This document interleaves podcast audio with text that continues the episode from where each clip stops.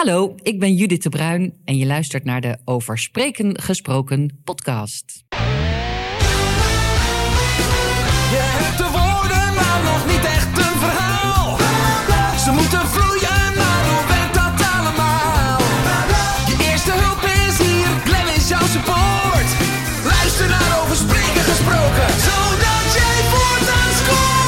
Hey, wat fijn dat je er weer bent. Ik ben Glenn Vergozen en je luistert naar aflevering 24 van de Over Spreken Gesproken podcast. Samen maken we korte metten met plankenkoorts en leren we spreken met meer impact. Misschien ben jij wel klaar voor de volgende stap. Misschien heb je al een aantal presentaties gegeven.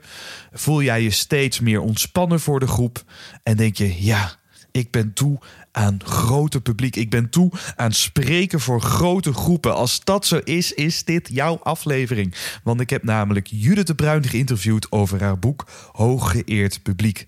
En het boek is speciaal gemaakt voor mensen die voor grotere groepen willen spreken. En ze heeft een methodiek bedacht die jou eigenlijk meeneemt vanaf drie maanden voordat de spreekbeurt begint, tot aan het moment drie seconden voordat jij opgaat. En in dit interview ga ik haar het hemd van het lijf vragen over welke dingen belangrijk zijn.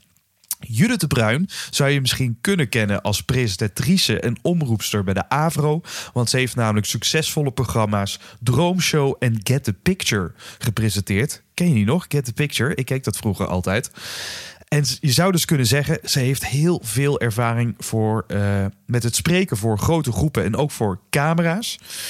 En in het interview gaan we het niet alleen hebben over haar persoonlijke reis, maar gaan we het ook hebben over de kracht van charisma. Over hoe je taal als bindmiddel kunt gebruiken. Want ze differentieert ook verschillende type publieken aan de hand van het kleurenmodel van Jong. Dus we gaan ook voortdurend de transitie maken van hé, hey, maar als je nou voor deze zaal spreekt, wat is dan belangrijk? En als je nou voor deze type uh, publiek spreekt, hoe moet je je dan voorbereiden? Het is een super pragmatisch interview geworden en ik wens jou heel veel luisterplezier toe. Judith, welkom in de podcast. Dankjewel, fijn dat ik er mag zijn. Ja, heel fijn dat je, dat je er bent. Want uh, ja, we hebben al. Het, het, duurde even voordat we elkaar hier ook uh, een levende lijven konden zien en spreken. Mm -hmm. maar ik vind het heel fijn, want ik heb hier ook voor mij jouw boek liggen. Hooggeëerd publiek. En het is, nou ja, het, het is een, uh, een boek van formaat. Mensen die kijken op uh, YouTube zien het boek nu ook. Het is een, uh, ja, echt een, een, een, een ik ja. heb nog, hoe zou je zelf het boek omschrijven? Of um, kets ik de bal meteen nou, Het is een methode. En ik heb het ook als een, als een werkmethode geschreven vanaf het moment dat je denkt, hmm, zal ik gaan spreken op dat grote podium. Tot het moment dat je je stappen op het podium zet. En mm-hmm. ja, mijn ambitie was om de lezer daarin te begeleiden, de spreker. Ja. En uh, daarin is het ook wel compleet. Dus dit is niet van de afdeling tips en tricks, maar van de afdeling uh, ja, grondig nadenken en het echt goed doen. Als je een kans krijgt die er ook uh, ja, je uitdaagt of uitnodigt om het eens echt heel goed te doen. Ja, ja want op welke doelgroep heb jij je gericht voor dit boek? Nou, op mensen die aan de volgende stap toe zijn. En dat doe ik ook in mijn werk. Hè. Dus het is niet zozeer uh, uh, een presentatie voor de collega's of een salespresentatie, maar het moment dat je uitgenodigd wordt voor een congres. Ja. Of het er echt heel erg toe doet. Of uh, nou ja, het ook spreken voor grote groepen. Op zich maakt het in de principes natuurlijk niet, helemaal niet zo heel veel uit. Hè? Of je voor tien mensen praat of voor duizend betekent alleen dat, uh, dat je misschien wel de moeite neemt om zo'n heel boek door te werken. omdat je denkt, nou moet het goed zijn. Hè? Dus ja. daar uh, kon ik al mijn uh, kennis en uh, ervaring in kwijt. Precies. En wat wel echt heel erg leuk is, is de luisteraar. Allereerst, de luisteraar die nu echt klaar is voor zo'n volgende stap. Ik heb een paar keer zo'n presentatie gegeven, maar ik zou echt ja, voor grotere groepen iets willen doen. Ja, daar heb jij een methodiek voor bedacht. En mm -hmm. wat wel heel leuk is, is je neemt mensen echt bij de hand mee van drie maanden voordat uh, de spreekbeurt begint. Uh, tot aan drie seconden voordat men opgaat. Met allerlei handen, tips uh, en, en, en inzichten en modellen die ja. nodig zijn om die reis, als het ware, te, te, do door te maken. Ja, ja dus het, het is echt voor mensen die het serieus nemen en denken: ik wil die tijd, die kans, die wil ik optimaal benutten. Ja. En daarnaast heb ik ook wel uh, gedacht aan mensen die over veel kennis beschikken. Mm -hmm. Dus onderzoekers, wetenschappers, uh, artsen. Um, die vaak eh, heel belangrijke dingen te vertellen hebben. Kennis waar we in Nederland eh, of daarbuiten echt wel iets mee kunnen of moeten. Maar door hun manier van presenteren bereiken ze hun publiek onvoldoende. En Ja. dat komt omdat hun manier van presenteren helemaal gestoeld is op de wetenschappelijke manier van kennis vergaren. Een presentatie van een gemiddelde onderzoeker heeft de structuur van een scriptie. Ja. Niet het niveau, hè, of Nee. een PhD, hè, of een eh, onderzoeksrapport. Maar dat is niet per se de volgorde, de toon, eh, de, de invalshoek die nodig is om een groep bezorgde ouders of een groep verpleegkundigen of zo mee te krijgen. Ja. Dus eh, mijn boodschap is ook wel juist voor die mensen, hè, als je nou zo slim bent, ga dan ook slim nadenken over je communicatie en dan bereik je meer. Exact. En dan dus de verschillende routes waarmee je diezelfde boodschap kunt aanvliegen. Zo is het. Want dat vind ik eh, heel tof aan jouw boek. En dat gaan we ook echt uitdiepen in dit gesprek. Eh, jij gebruikt het kleurenmodel van eh, Jong. Ja. En dat veel, Jung? veel. Jung, sorry. Ja, Jung. eh, v- veel gebruikt, onder andere in Disc, Insights. Ja. Ehm, en, maar dat is een hele pragmatische manier om in ieder geval bewust te worden dat je één verhaal op verschillende manieren over kunt brengen. Sterker nog, als je dat publiek in ogenschouw neemt, dan is het ten zeerste aan te raden dat je ook ja, daaraan eh, je vorm afstemt. Ja, En- je, bent een, je moet vertalen. Je En dit vertaalt. boek is misschien wel een vertaalboek van hoe vertaal je wat jij wil eh, in de taal, de voorbeelden, de manier van spreken die de ander kan ontvangen. Exact. Dat je zoekt naar resonantie. Precies. Nou, is- super interessant. En voordat we daar echt inhoudelijk in gaan duiken, vind ik het ook wel leuk om, om jou iets beter te leren kennen. En misschien is het fijn om ja, even terug te gaan in de tijd en te beginnen bij eh, jouw persoonlijke reis. Je hebt, je, hebt eh, onderwijs, je bent als onderwijskundige opgeleid. Waarom begin jij de reis bij de studie? Dat is een eh, goede vraag. Het mag hoor, maar ik vind het heel grappig. Alsof dus die, Daar- beroepsmatige, daar- die beroepsmatige keuzes je identiteit bepalen. Nou, en dat is natuurlijk uh, ongelooflijk. 99% gaat daarvoor, zeg maar. Touché, Judith. Je bent in 1963 geboren. Zo is het, ja. Waar, waar ben je geboren en opgegroeid? nou, ik- ben in, in Brabant opgegroeid, in Nuenen, In bij, de- bij Eindhoven. Yes. En eh, het, het is niet eh, eh, dat we nou per se mijn hele historie af moeten Glenn. Dat wil ik echt niet. Maar ik Nou, moest- ik moest je hebt nu, denken. Oké. Nuenen bij Eindhoven. Gerben Nederwetten, dat is in Brabant. Ah, gooi je er mij nog een frikandel in? Ja, nou ja. Zo dus, ja. Ja. Maar, maar, maar vertel, ik, ik, ik zal de, een open vraag stellen en dan kun jij hem insteken. Ehm, waar komt jouw voorliefde vandaan om in ieder geval in jezelf, in, in, in, met, je, bent, je hebt veel met tv gedaan. Ehm, dus je zou kunnen zeggen, in de spotlights te staan, waar komt die voorliefde vandaan? Ja, ik denk dat het mee te maken heeft dat ik een nakomertje ben. Het is natuurlijk gewoon ook de, mijn persoonlijkheid. Ik heb een extraverte persoonlijkheid. Om een jong te spreken, Mhm. typisch rood-geel persoonlijkheid. En ehm, toen ik geboren werd, waren mijn beide ouders 44 en mijn broers en zussen respectievelijk 12, 15 en 16. En ik herinner een foto uit het fotoboek waarin ik in de box eh, heel grappige gezichten trek. En er drie kinderen, drie tieners op hun buik met hun handen onder hun kin naar mij zitten te kijken. En Hmm. dan denk ik, hé hey Judith, dat was je eerste podium, de box. Ja. En verder, ehm, eh, een ander element is dat mijn vader, die was geboren in 1918. En die was helemaal dol op eh, jazzmuziek en dansfilms. Bijvoorbeeld van Fred Astaire, Ginger Roger, Bing Crosby. eh, Singing in the Rain en zo. Singing in the Rain, Gene Kelly. Oh, Ja. geweldig. En die keek met mij naar die films. En daar zit natuurlijk een soort, ja, een soort vrouwelijke elegantie, stardom. En dat had mij ook, eh, ja, dat vond ik prachtig. Dat greep me ook wel echt. Maar net zo goed ook eh, Dynasty en Koningin Sissi. Angelique, een serie over een Française in de, in de, in de, in de pruikentijd... die op paarden reed en minnaar had en heel wild en zo. Dus je ziet wel in je historie dat er van die rolmodellen zijn... en momenten die maken dat zo'n beeld zich vormt van... hé, hey, zou ik die, ben ik die persoon op dat podium? En ik zong ook bandjes vol met Franse liedjes, terwijl ik nog geen Frans kon. Of Oh, je sais, t'attends la main. Was is er je? Nou kan ik Frans, maar dat... Nou ken ik Frans, maar dat... Vroeger was weer... eh Dat zelfs zat er dus weer, gewoon al eh, jong in. Ja, of Russisch. Of eh, ja, ik eh, hield van performen. Leuk. En, de- en die eerste stapjes die zijn dus misschien op totaal onbewust. Maar in die box leerde je al van... hé, hey, er wordt naar mij gekeken. En als ik lach of ik doe iets, dan wordt daar ook op gereageerd. Precies, precies. Dus ik kan me heel goed voorstellen dat dan als nakomer... eh, Ja. eh, ja, gewoon heel onbewust leer je dat als patroon. Hè? Als ja, metaprogramma maar psychologen toch was zeggen. het als, als toekomstbeeld. eh, Of, of die droom was totaal niet iets wat in mijn gezin herkend werd als een toekomstbeeld of interessant.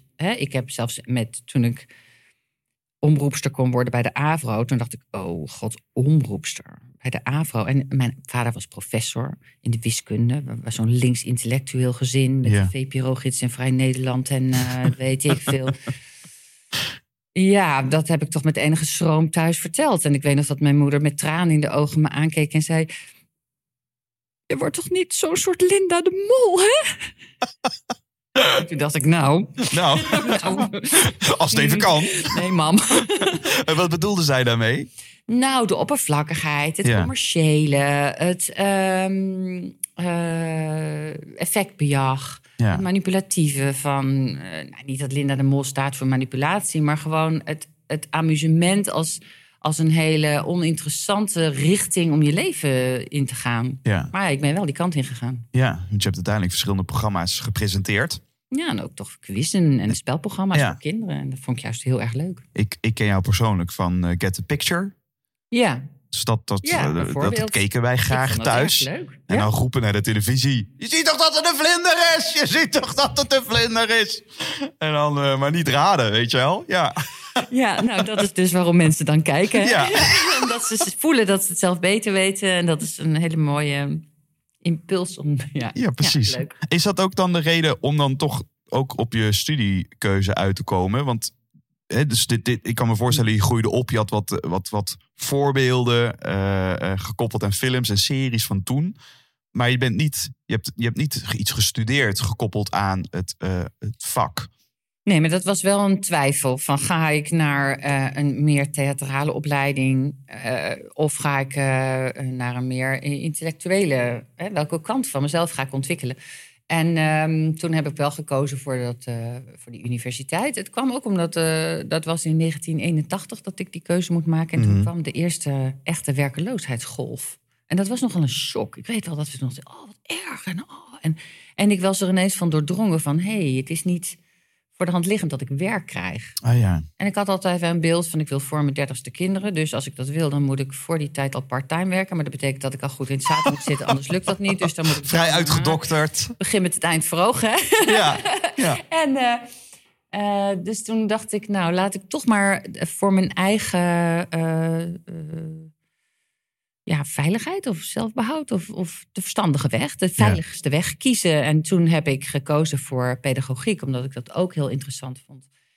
En eh, onderwijskunde uiteindelijk. Maar goed, ik was nog maar een half jaar afgestudeerd en ik kon bij een televisiekanaal komen werken. En dat heb ik toen ook zo herkend, als dat ik dacht, oké, ik twijfelde tussen route A en route B.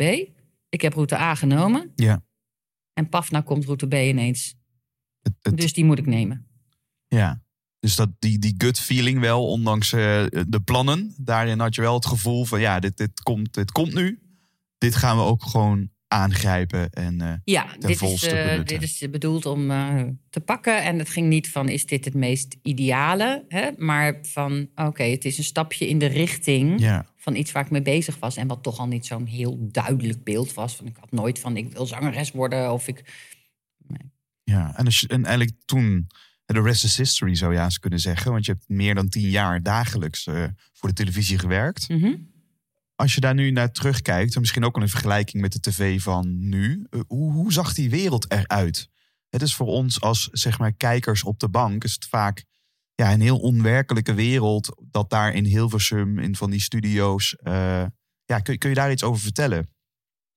Ja, het- dat is mijn beeld van die tijd. En dat was tussen 1990 en 2000. hè. Mhm. En dat eh, ehm, was de tijd dat eh, net de commerciële zenders opkwamen. Dus ik stapte in in een wereld die al een beetje ontwricht begon te raken. En waar dacht, oeh, er komt een concurrentie. En Dus de Nederlandse omroep had niet meer de monopolie op, eh, op televisie. Precies, je kreeg toen TV10, Joop van den Ende startte met dingen. Je had al Ja. de satellietkanalen. Dus dat, die, die, die besloten wereld, die, die, die begon te brokkelen. En bij de AVRO was dat een, ehm, waar ik dan werkte.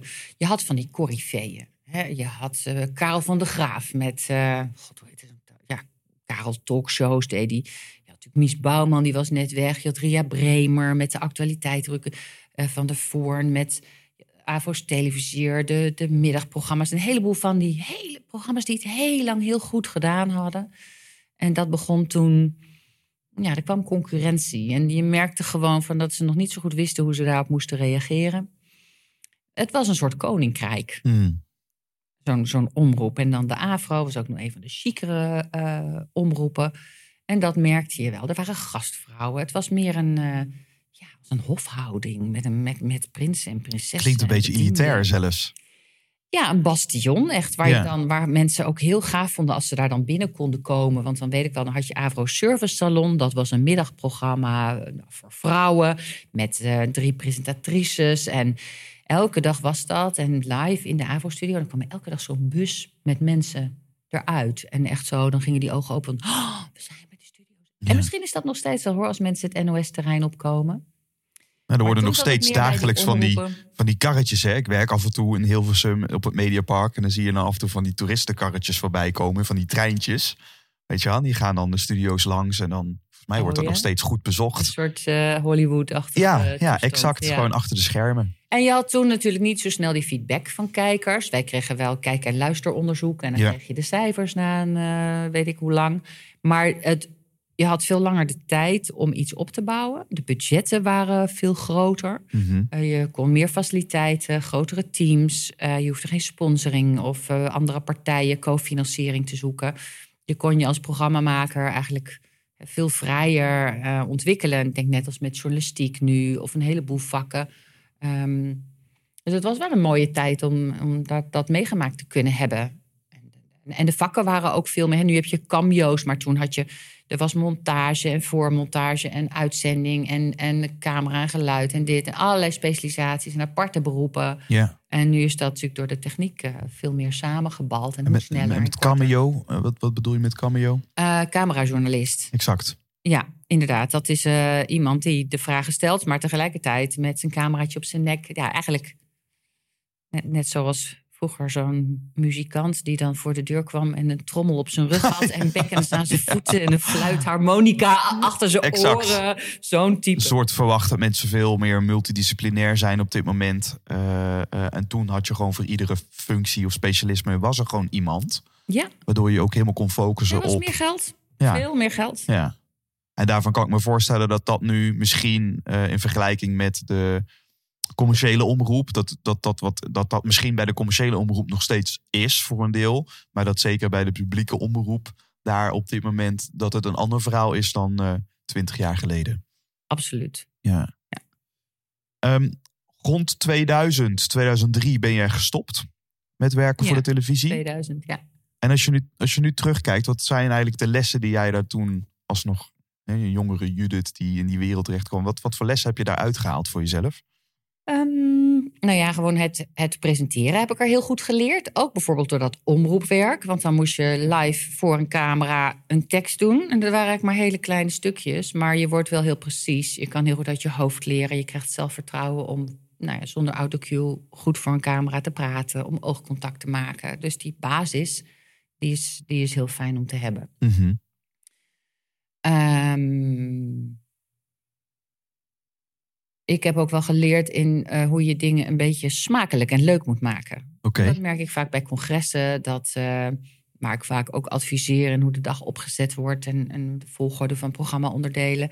Eh, of het maken van een uitnodiging. Maak het een beetje smeuig. Hè? Kop, eh, een mooie kop, een leuke titel, een ondertitel, een pakkend beeld.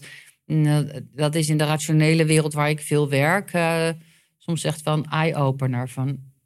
oh ja, laten we de doelgroep in beeld binnenbrengen in de ruimte, bijvoorbeeld met foto's. Of dingen doen met muziek, als mensen in en uit een ruimte lopen om de sfeer. Dus meer dingen die met sfeer te maken hebben. Die heb, het zijn een extra set knopjes die ik heb waar je aan kan draaien.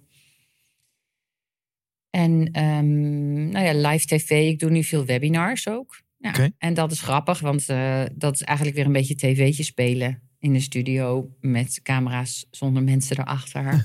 Live, zonder regisseur die zegt wat ik moet doen. Want dat webinar, je hebt dan wel gewoon camera's op je gericht. Of doe je dat gewoon met je laptop op tafel en dan... Nee, ik doe dat altijd in een eh, studio. Ik werk samen met eh, het bedrijf eh, Company Webcast. Die hebben een aantal studio's in Nederland en, en buitenland. En hele mooie, grote professionele studio's. En dan komt dan de Belastingdienst of Rijkswaterstaat of Ernst Jong, weet ik wat. En die willen een, een uitzending en die hebben er een host bij nodig. En dan ben ik hun host. Ah ja. En ik train ook mensen die zelf willen hosten of spreken. Of ik help klanten hoe ze zo'n webinar op moeten zetten. Want het is eigenlijk een soort, precies een crossover tussen televisie en onderwijskunde. Ja. Want je moet nadenken van, hm, wat moeten ze leren? Wie is mijn doelgroep? Welke stappen zet ik? Welke taal gebruik ik? Die hele puzzel, die ik ook in mijn boek beschrijf. Die puzzel kan je net zo goed, die manier van denken kan je net zo goed gebruiken bij het opzetten van de structuur van een webinar of een workshop of een conferentiedag, voor mijn part. En ehm, eh, dus dat doe ik vrij regelmatig. En dan val ik natuurlijk terug op die skills van het televisiewerk. Ja. Maar Ja. dan wel gecombineerd weer met. Dus dat is nu. Ja, er zitten veel dingen juist in dat, in dat kruispunt van die twee eh, Werelden. werelden. Ja, En, en daarin beschrijf je heel mooi dat ja, die kennis en ervaring uit ook die quizwereld, het is complementair aan eh, de kenniswereld. Daar waar eh, de, een kenniswereld hoeft, hoeft niet zo'n quiz- en spelshow te worden, maar het kan wel iets van elkaar lenen. Eh, dat Nou, als je die goed weet te combineren Er met schiet me elkaar. nu een ander leuk voorbeeld te binnen. Dat ik deed dan Get the Picture, wat jij ook keek. En wij namen zes afleveringen op in. En dan dus 18 in drie dagen achter elkaar. Zes per dag.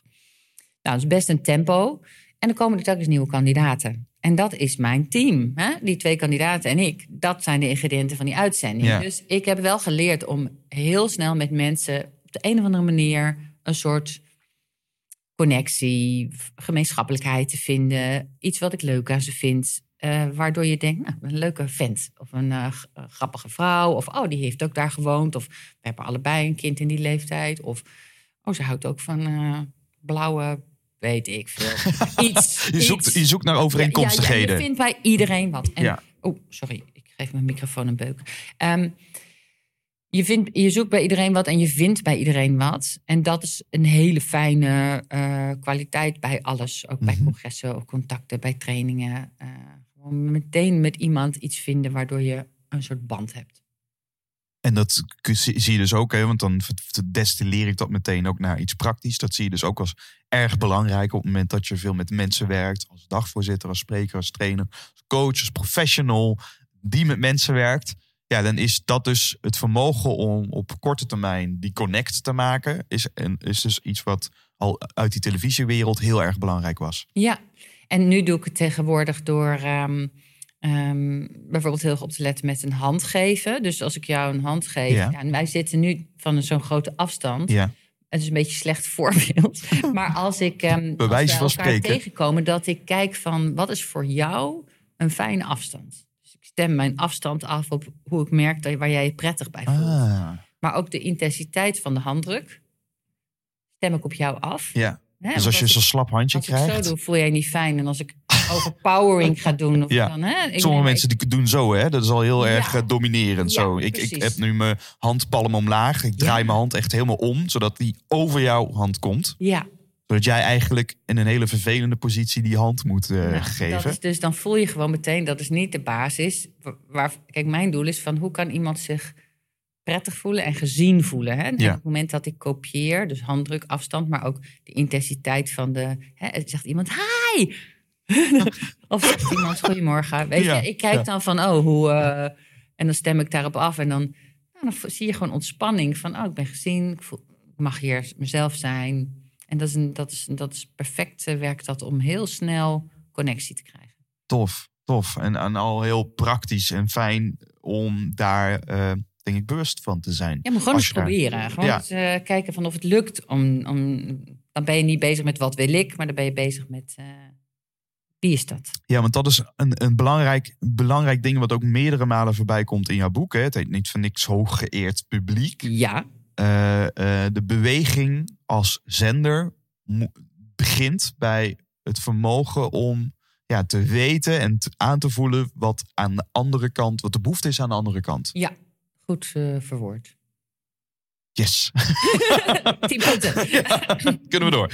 Eh, nee, nee, maar het, want, Dus want dat is een hoge mate van, eh, van empathie. ja, En, ehm, en, en ook een uitspraak die me dierbaar is, die ik in het boek een paar keer gebruikt heb: van They don't care what you know until they know that you care. een hele bekende uitspraak en een uitspraak die ik zelf ook eh, doorgaans graag gebruik. Ja, en, en die care voor de ander, de zorg voor de ander. Ja, dat is de balans waar je in, in, in probeert te blijven. Want uiteraard sta je daar niet. Je staat er voor je eigen doel. En dat moet ook. Dat, dat, dat moet je juist ook heilig verklaren. Maar je komt alleen maar bij dat doel op het moment dat je bereid bent om ook te kijken naar die ander en wat die nodig heeft. En waar de win-win, de raakvlakken zitten. Maar dan moet je dus. De eerste stap is altijd Wees scherp in je ambities, duidelijk, concreet. En niet denken van ik ga mensen inspireren. Ik ga iets vertellen over. Lees spreekbeurt. Eh, ik ga. Nee, je hebt iets wat je in beweging wil zetten. Mhm. Althans, dat zijn de sprekers waar ik graag eh, mee werk. Of ik, waar ik mensen toe uitdaag van. eh, wat is je bijdrage aan de dag? Wat wil je in de hoofden van mensen veranderen? Ja, Of het nou is in, in kennis of in. Maar heel vaak is het een actie die men wilt. Hè, koop mijn boek, word lid van mijn club, kom naar mij toe, ga dit beleid ook uitvoeren. Ja. Heel vaak is er een actie gewenst. En dat je call to action, zoals dat dan. eh, ja, en die call to action is eigenlijk het eerste kleine stapje wat je mensen kan vragen. Maar die uiteindelijk wel een stap is naar een groter eh, doel. Hè? Dus bijvoorbeeld aan het eind van zo'n podcast kan jouw call to action zijn: eh, ga naar mijn website. En dan denk je, ja, dan komen ze op mijn website. En daar is misschien je call to action. Bestel mijn nieuwsbrief en daar Exact. is je call to action. En uiteindelijk is het van eh, betaal heel veel geld voor mijn allerduurste product. ik vind dat persoonlijk een wat lange route. Ik doe het liever eh, anders. maar het is wel natuurlijk hoe je die dingen op kan bouwen. Ja. En hoe je van ja naar ja naar ja gaat. Nou goed, en dus als je dat heel helder hebt gesteld, dan parkeer je dat even. En denk je, oké, dat wil ik- wil ik. Maar wie zit er tegenover me? Mhm. Wat zijn dat voor mensen? Waarom zitten ze hier? Op welk moment van de dag? Wat gaat er in hun hoofden om? Ik wil iets van ze, maar als ik nou me voorstel, wat zeggen ze dan tegen mijn plan? Ja, we hebben de letters eh, eh, K en A-L. Zo'n acroniem, weet je wel. We gaan eh, kennis, nieuw, actie, leren. Ik, ik verzin maar te Knal. wat knal. en dan, eh, nou, dan ga je dat vertellen aan je werknemers. We hebben een nieuwe visie. Nou, Ja. Wat denk je wat het eerste is wat die werknemers denken? Oh jee. Ja. Ze Ja. hebben weer iets bedacht op de hei. gaan we weer. Daar gaan we weer. Ze hebben iets bedacht op de hei. Nou, oké, prima. Schrijf maar op. Dat is de eerste reactie. Wat zit daaronder? Ja. Oh, dan moet ik weer andere dingen doen. Dan moet ik zeker weer. eh, oh, misschien kom ik wel op een andere afdeling te zitten. Eh, wat houdt dat in voor mijn eigen toekomst? Wie wordt dan mijn baas? Weet je, dat zijn serieus te nemen vragen. Ja. Ik zou, kan me dat wel voorstellen. Dat dat, eh, en dat gaat verpakt in van. "Nou, dat willen we niet." Maar daaronder zitten serieuze eh, zorgen. En je taak als spreker is om te laten zien hoe je die zorgen wegneemt. En ze mee te nemen in jouw avontuur. En is dat dan ook een van de manieren die jij aanraadt om je voor te bereiden? Om eigenlijk als het ware, ja, misschien in dit geval, eh, een advocaat van de duivel te spelen. of in ieder geval alle potentiële bezwaren eh, Ja. daarover na te denken. Nou en ook het- manieren te bedenken hoe je dat kan adresseren. Ja, het, maar het is niet het enige. Kijk, eh, eh, ik heb het in het boek ook over de, de pain and gain analysis. Ja. De pain van, nou, wat, wat zijn mensen bang te verliezen of wat willen ze niet dat gebeurt. Maar ook de gain, waar, waar worden ze juist heel Het blij en vrolijk van. En wat spreekt hen aan, wat vinden ze leuk. En daarnaast kijk je van, gewoon demografisch. Zijn het mannen, vrouwen, leeftijd, welke hoek van het land? Dat maakt natuurlijk allemaal verschil. En eh, je had het net al over het kleurenmodel van Jung. Ook daar kan je naar kijken. Hè. Zijn dit mensen met meer eh, actiegericht, competitiegevoelig, rode types? Zijn het veiligheidszoekende, analytische mensen? Nou, dus zo maak je een. eh, ik, ja, ik raad echt aan om een mindmap bijvoorbeeld te maken Ja. van eh, je publiek. Daar goed voor zitten. Desnoods plak je eens wat plaatjes op. Lees een vakblad. Ja. Dompel je onder even in hun wereld. En dat gaat je helpen om te kijken, nou ja, als ik zie hoe ze zijn en wat ze belangrijk vinden, wat zal hen dan aanspreken in mijn verhaal, wat niet? En vanuit die twee componenten, je ambitie en de, de, het onderzoek van je doelgroep, ga je verder. En het is mooi, want als je daar tijd aan besteedt, dat loont altijd. Want dat betekent dat je soms tijdens je presentatie ineens een soort voorbeeld opplopt waar je al wat over gelezen had. Dat je de taal wat meer aanvoelt, waar ze, hoe ze dingen noemen. Eh, je voelt je wat dichterbij, wat helpt voor je angst. Ja. Je voelt je wat. Angst is natuurlijk altijd angst voor afkeuring van je publiek. Nou, nu ben je al wat dichter bij ze gekropen. Hun weerstand kan je ook denken. Snap het ook wel. Als ik Henk was op die heftruck, dan weet je, moet ik dan denken: wow, wow weerstand. Ik denk, ja, het is Henk en. Ja. Hè, zo. Het wordt We gaan weer op training. Dat Vaak zeg ik dan ook, ja, ik kan me heel goed voorstellen dat dat, dat, dat Ja. idee er is. Ja. Oh, we gaan iets doen met communicatie. Ja, ik zeg, je hebt al 42 jaar ervaring hè, met communicatie. Zeggen ze, ja, precies. Ja, Ja, ja, dus ja, waarom hier naartoe? Hij zegt, ja, dat weet ik ook niet. Nee. Zeg ik, nou, laten we daar dan beginnen, weet je wel. Ja. Ja, dat je, dat je misschien... Wat ik je ook daar horen zeggen is... enerzijds is het heel erg afstemmen. Anderzijds is het ook... eh, ja, jezelf niet al te serieus nemen daarin. En wat ik daarmee bedoel is natuurlijk... Je, mag, je moet de inhoud wat je komt verkondigen is super serieus. Eh, misschien heeft het wel met ego te maken. Of met eh, ja, die angst die jij omschrijft. Die angst voor afwijzing. Kijk, die afwijzing die er komt vanuit de groep... Komt door, is er doorgaans helemaal niet op jou persoonlijk gericht. juist. Het gaat niet om jou. Het gaat niet om jou. Dat En- is een heel. Ja, dat is mooi dat je dat zegt. Want ik denk.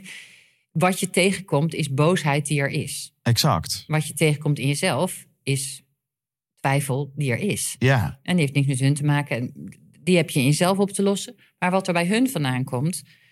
Mijn vraag is altijd: eh, er komt bijvoorbeeld eh, een felle reactie uit een zaal. Het eerste wat je voelt is oeh. En ook wel dat stemmetje dat zegt: heb ik hier een fout gemaakt? Mhm. Als je dat stemmetje laat overheersen, ga je heel erg je op jezelf richten. Ga je twijfelen, onzeker en verlies je het contact met de ander. Want je aandacht gaat naar je eigen binnenkant. precies. Als je jezelf de vraag stelt: Oké, ik voel dat even. Zet even op parkeerbord. Parkeer het intern. even. Wat is hier aan de hand? Dat je gaat kijken, dat je denkt: hm, wat is hier aan de hand? Is dit één iemand die zich graag wil laten gelden? Is dit een stem die staat voor wat nog veel meer mensen vinden? Dan kan je gaan kijken. En als je, als je snapt dat het niet om jou gaat, maar dat er iets is daar wat je kan gaan bekijken. Ja, mooi. Mooi, dat zeg je mooi. Hey, als we dat kleurenmodel even als basis gebruiken. En eh, misschien kennen, kent de luisteraar het al, misschien niet. Maar het is wel fijn, denk ik, ook voor mij. Eh, dat basismodel kun je natuurlijk op twee posities leggen. Ik kan het leggen op mezelf. Hè, dus wat voor, wat voor voorkeurstijl heb ik als spreker? En ik kan het leggen op het publiek. Eh, namelijk, wat voor publiek heb ik tegenover me liggen? Kunnen we even die vier... Is, is dat echt verschillend? Of, of hè, dus of focus op mezelf of focus op mijn publiek? Komen daar verschillende antwoorden uit? Of is de basis eigenlijk hetzelfde? Het is hetzelfde model. Ehm, maar het is. ehm, ik heb trouwens nog een derde manier, want ik vertaal de kleuren ook naar type, naar inhoud, naar Ja. onderdelen van je presentatie. Maar daar gaan we het later nog over hebben. Ja. Eerst even het model. Laten we beginnen met, met voor de luisteraar. Dat de luisteraar eigenlijk zichzelf kan herkennen. Ja, Als eh, hier mijn voorkeur gaat uit naar. En ik, ik gebruik nu weer bewust het woord voorkeur. Want wat, waar het vaak fout gaat als ik bij trainingen kom. Is dat mensen een keer disc hebben gedaan. En dat ze zich gaan identificeren met een kleur. En dat er een soort excuus wordt. Dus dat Mm. mensen dan een gesprek hebben met elkaar. En zeggen, ja, nee, nee, maar ik ben nou eenmaal groen. Oh ja. Dus, ja, dan denk ik altijd... Nee, ja dan gaat de deur dicht, hè? ja, dan gaat de deur dicht. Dus het is een voorkeurstijl. Ja. Maar we hebben alle kleuren in principe in Ja. ons. Nou ja, eventjes. eh, ehm, eh, het is natuurlijk echt een visueel middel, dus eh, we moeten dat nu in woorden duidelijk maken. Maar zie voor je een assenstelsel. Ja. Eh, de x-as eh, gaat van eh, eh, aan de linkerkant introvert naar aan de rechterkant extravert. Dat is een hele belangrijke basisverschil tussen mensen. De y-as gaat van boven naar een voorkeur voor ehm, denken. Om tot een oplossing te komen of een idee. Naar de zuid, zuid onderkant van de y-as is dan voelen of intuïtief. En door die vier assen ontstaan vier vakken, vier kleuren. Dus even rechtsboven beginnen. Dat is het vak wat staat tussen denken en extravert. En dat is dan rood. Oké. Je ziet soms wel andere kleuren, maar nou, bij mij en eh, bij veel anderen is dat de rode stijl. Extravert en eh, denken. Dan ga je onder naar geel, dat is extravert intuïtief. Mhm. En dan ga je mm, links met de klok mee naar het derde kwadrant. En dat is intravert intuïtief. Mhm. En dan de Dat is de laatste- kleur. Hm? Dat is groen. Ja, dank je, groen. En dan gaan we de laatste kwadrant is blauw. Dat zit tussen introvert en denken. Alright. Nou, en daar haal je dus verschillende denkstijlen of interpretatiestijlen of denkvoorkeuren, hè, hoe je dat ook noemt, waarbij eh, rood gericht is op actie, houdt van korte informatie, wat competitief is, gewoon wil weten van wat levert dit op, de wat-vraag is daar belangrijk. Mhm. En bij het gele, eh, extravert intuïtief, gaat het meer om de inspiratie. Mensen die willen voelen, holistischer naar dingen kijken, creatief met elkaar, enthousiast. Weet je, die energie is voor hen heel belangrijk. Ja. En de intraverte, intuïtieve, dat is groen. zijn mensen die hun innerlijke waarden heel erg lief hebben en daar ook heel goed op passen. Dus die, die hoort dit bij mij. En ook hoe doen we het met elkaar? Wat betekent het voor jou, sociale mensen? Vanuit het wij, daar is de wie-vraag. Overigens bij geel is de waarom-vraag. Het totaal waarom. Ja. Diepere laag. Groen de wie-vraag. En bij blauw is eh, analytisch. Wil dingen graag precies weten, zeker weten. Voorspelbaarheid is belangrijk. De hoe-vraag. Oké. Nou, als jij van jezelf, wat denk je dan als je het zo hoort? Waar zou je jezelf zo op het eerste gezicht in plaatsen? Ehm, gekoppeld aan wat jij nu zegt. Eh, is wel grappig, want je, het is toch zo open. En ik, eh, ik ben altijd heel nieuwsgierig naar hoe doe ik dit dan. Dus ik heb, ik heb wel een bepaalde pragmatische, analytische kwinkslag. Maar in mijn gedrag ben ik absoluut niet blauw. In mijn Mhm. gedrag ben ik heel erg geel. Mhm. Ik ben extravert. Ik, Ja. ik, ik, ik zie en, en, en, en ik krijg mijn inzichten door te kletsen. En al pratende Ja. poppen bij mij de aha-momenten op. Eh, ja, en ik ben heel erg gevoelig voor sfeer. En heel erg. eh, en ik, eh, ik, ik zie mezelf. Als ze vragen, Glenn, wat ben- doe je het liefst? Nou, dan vertel ik het liefst verhalen. Ja. Dan ben ik het liefst inspirerend. Ja. Ehm, Nou, dus ik kan me voorstellen als jij uitgenodigd wordt voor een lezing en je wil iets vertellen over COVID of een deel daarvan. En je zoekt. ehm, en- en dat, dat als je er niet te veel over nadenkt, dat je spreekbeurt heel veel gele elementen zal bevatten. Heel veel beeldmateriaal, filmpjes, ehm, inspirerende verhalen, quotes, storytelling. mhm. Dat je, je gaat dus onbewust de vorm kiezen die bij jou past. En een blauw iemand die onbewust zijn presentatie gaat maken, die zal denken: wat is het model? Wat is het kader? Wat zijn de stappen? Die gaat heel veel kennis overbrengen. Jij denkt: als ik ze inspireer, dan gaan ze het wel doen. Mhm. Die blauwe denkt: als ik het goed uitleg, gaan ze het wel doen. Mhm. En de rode denkt: als ik ze een goede worst voorhoud en een beloning, dan gaan ze het wel doen. Mhm. En de groene denkt: als ik vertel waarom het zo belangrijk is voor mij en ons, dan gaan we het wel doen. Ja. En daar zit natuurlijk de denkfout. Want Ja. als jij met je gele verhaal aankomt bij een blauw publiek, die denken: ja, Glenn, leuk, Leuk. al dat gedroom, maar hoe gaan we dat dan aanpakken? Dus als ze zien hoe het moet, dan heb je ze mee. Ja. Maar als jij eh, als gele persoon een hele uitleg krijgt en alle ins en outs, dan denk je: ja, maar ik kan die kennis nou allemaal wel krijgen, maar waar dient het voor? Wat worden we daar beter van? Ja. Pas als die vraag beantwoord is, sta je open voor de blauwe kennis. Dus zo kan je, door je al goed te realiseren eh, wat je eigen voorkeurs en ook gewoon je default setting, hè? Ja. Ja. je default setting is. En je denkt, hmm, ja, maar dit publiek, eh, door de aard van hun werk, zijn ze wat blauwer of groener of wat dan ook. Laat ik eens aansluiten bij hun kleur. Exact. En dat is dus de, de, de kracht ligt in het balans van die vier kleuren. En ik zou me dus kunnen voorstellen, een meesterspreker zorgt ervoor dat ofwel al de voorkeurstijlen eh, aan worden geraakt gedurende de lezing Ja, of training. Dan wel, als ik weet dat ik een dominant groen publiek heb, Ja, dan kan ik daar ook dat schuifje kan ik net iets verder openzetten. Precies. Waardoor de precies. connectie en dus ook de impact en het leerrendement, Ja. dat is uiteindelijk het doel. Ja. Het, is niet, het doel is niet alleen eh, iets, iets spreken. Nee, het doel is dat je effect hebt met spreken. Ja. En dat kun je dus daarmee kun je dat Ja. op een positieve manier beïnvloeden. Precies, dus als jij wat rooier bent en je denkt, nou, we gaan eh, reorganiseren en eh, ons toekomstbeeld is dat dat eh, voor onze concurrentiepositie in de omzet dit en dat be- be- betekent. En, en je zit daar tegenover groene mensen en die denken van, wat kom jij hier doen?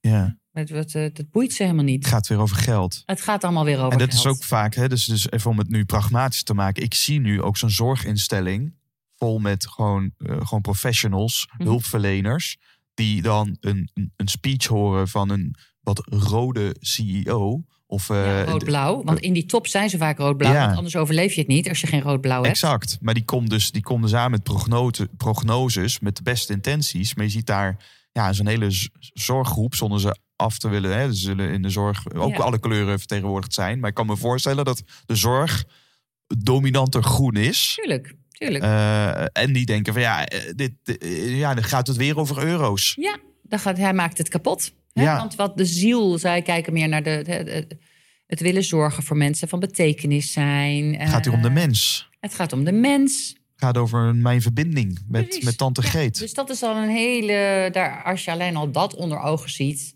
dan ben je al zoveel verder. En dan de volgende stap die ik maak in dat boek is om bepaalde type informatie te koppelen aan die kleuren. Ja, En eh, dat je dan in je. Hè, ik heb het ook. Je kan het zien als een soort Lego-steentjes, blauwe, gele, groene steentjes. En dat je je presentatie gaat zien als een, als een, als een reeks van steentjes. Een soort tijdreis van het ene steentje naar het andere. En, die, eh, en de rode steentjes, die bij rode mensen passen, die gaan over betoog, argumentatie. Hè? Rationeel, dit wil ik, een mening, onderbouwen. Dus een, een, een, een, een, een betoog. En de vorm die daarbij hoort is bijvoorbeeld ook een discussie, de interactieve vorm. Gele eh, elementen in je presentatie, die gele mensen aanspreken, kun je zien als storytelling. De verhalen, de voorbeelden, de, de, de, nou, de verhalen. De groene elementen in mijn boek heb ik allemaal geschaard onder de kopnoemer interactie, contact.